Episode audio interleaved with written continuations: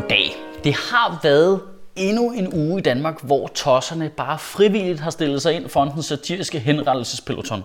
Det er simpelthen så svært at vælge i øjeblikket, hvad jeg skal tale om.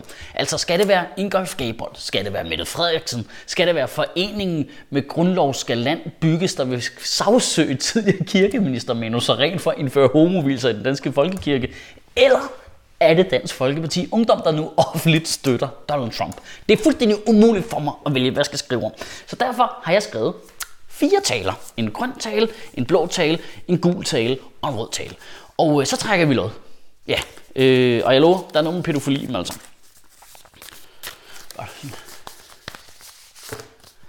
Uh, Mette Frederiksen.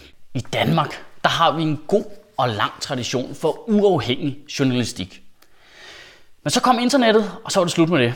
Godnat, og sov godt. Tak for lort, internet. I, det, I dag er journalistik jo simpelthen så ufattelig sløjt kørende. Altså, det er jo, altså, I dag kan du ikke se forskel på journalistik og jackass. Nu kan så sidde man bare, når man sapper på fjernsynet, og så skruer man bare over, så er der to mennesker, der sidder og smalltalker om sovsejævner, og man tænker, hvad er det dog det for et sælsomt DRK-program? Og så er det fucking nyhederne, mand.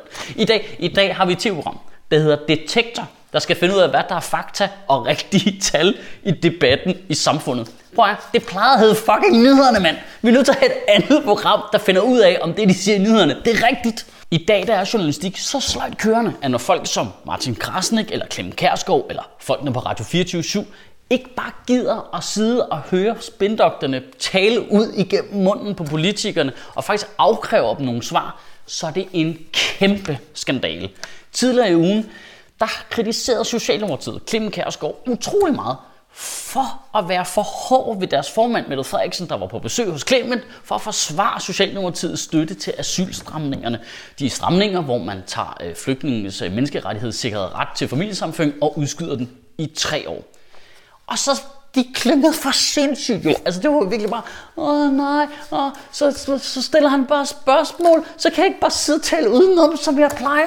Det kræfter mig vildt, at Mette Frederiksen er den i lokalet, du kan tage mindst alvorligt, når de to andre gæster, det var Elias Elers og Emma Holten. Og prøv lige at høre her, det er jo altså manden her, der hader journalister, der nu er nødt til at forsvare dem.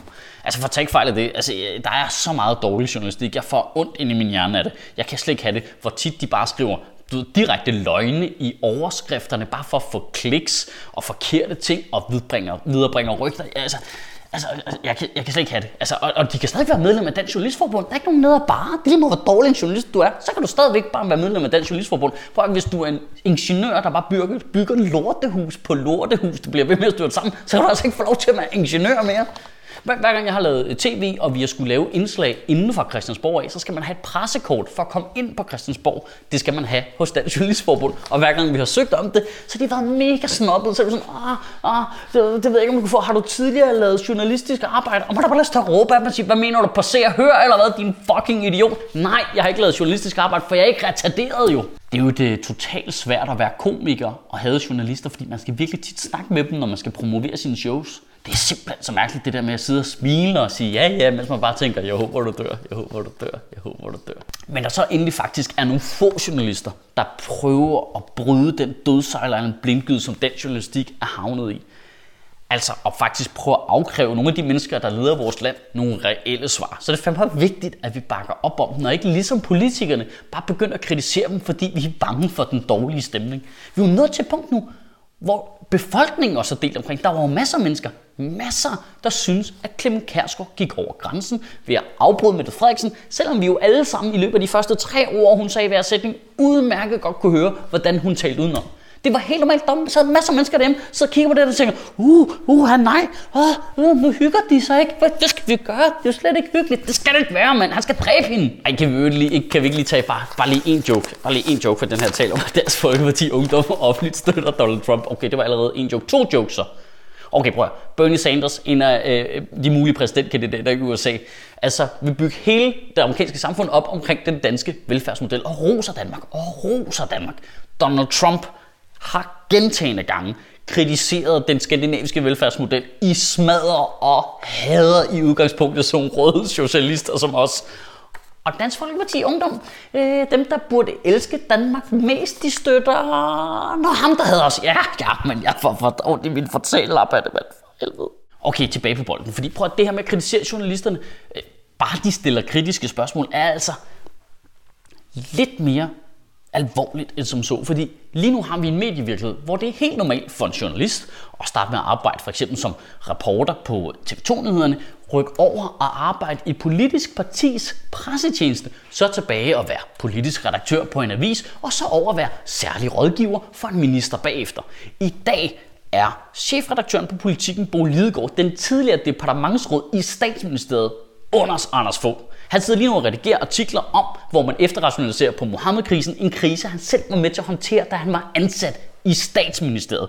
Lige nu er grænsen mellem journalister og politikere, det er fuldstændig udvisket. Almindelige mennesker, vi har ikke en chance for at se, hvem der holder med hvem oven i det, så har vi en offentlighedslov, der gør, at nu kan politikerne efter for godt befindende bare tage dokumenter og ligesom sige, om de er hemmelige, uh, uden nogen grund, om dem skal I ikke kigge på, det er hemmeligt, det behøver I ikke at kigge på overhovedet. Det, vi holder det bare fuldstændig ude af jeres viden. Det skal I ikke have lov til at kigge os over skuldrene. Det glemmer I bare. Og i øvrigt, i den offentlighedslovskommission, der anbefalede den her lovgivning, sad der jo journalister, der i princippet skulle borge for, at det hele ikke blev mindre gennemsigtigt ved at gennemføre den her lov. Men nogle af de journalister var for eksempel Mikkel Hertz fra TV2, der er redaktionschef på TV2, men som også har arbejdet i de konservatives pressetjeneste. Altså prøv at vi, vi har ikke en chance for at gennemskue det der. Det er fuldstændig fucked. Jeg, jeg, elsker, jeg elsker, hvordan vi kritiserer Sverige. Ej, ej men over i Sverige, du, der er de faktisk selvcensur. Der kan man bare ikke lige sige, hvad man har lyst til. Ja, men her har vi rigtig censur, mand. Politikere vil bare sige, det der dokument må du ikke skrive om. Fuck off. Det, det er altså fuldstændig... Er hvis det er fagligt korrekte term. Det er jo oven i det. Vi skal jo se det sådan her. Det er jo oven i det, at socialdemokratiske, folkevalgte politikere pludselig begynder at kritisere Clemen Kærsgaard og beskylde ham for alt muligt, alene fordi han tillader sig at stille nogle spørgsmål. Godt. I ugen, der kommer, der synes jeg, du bare skal tænke over en lille bit ting. Hvilken type statsminister kunne du godt tænke dig, vi havde i Danmark? Kunne du godt tænke dig en statsminister, der faktisk svarede på spørgsmålene, og når der var lidt modvind, ikke havde noget problem med det?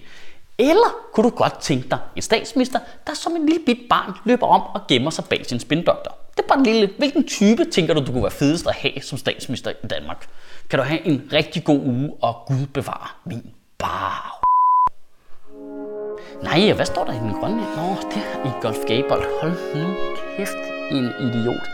Nej, nej, nej, hvor er det fedt. Bare lige at sige, alt, hvad han har lavet på Danmarks Radio, det var politiserende. Åh, oh, det er de nok glade for, hvad det er, var. Nej, nej, nej.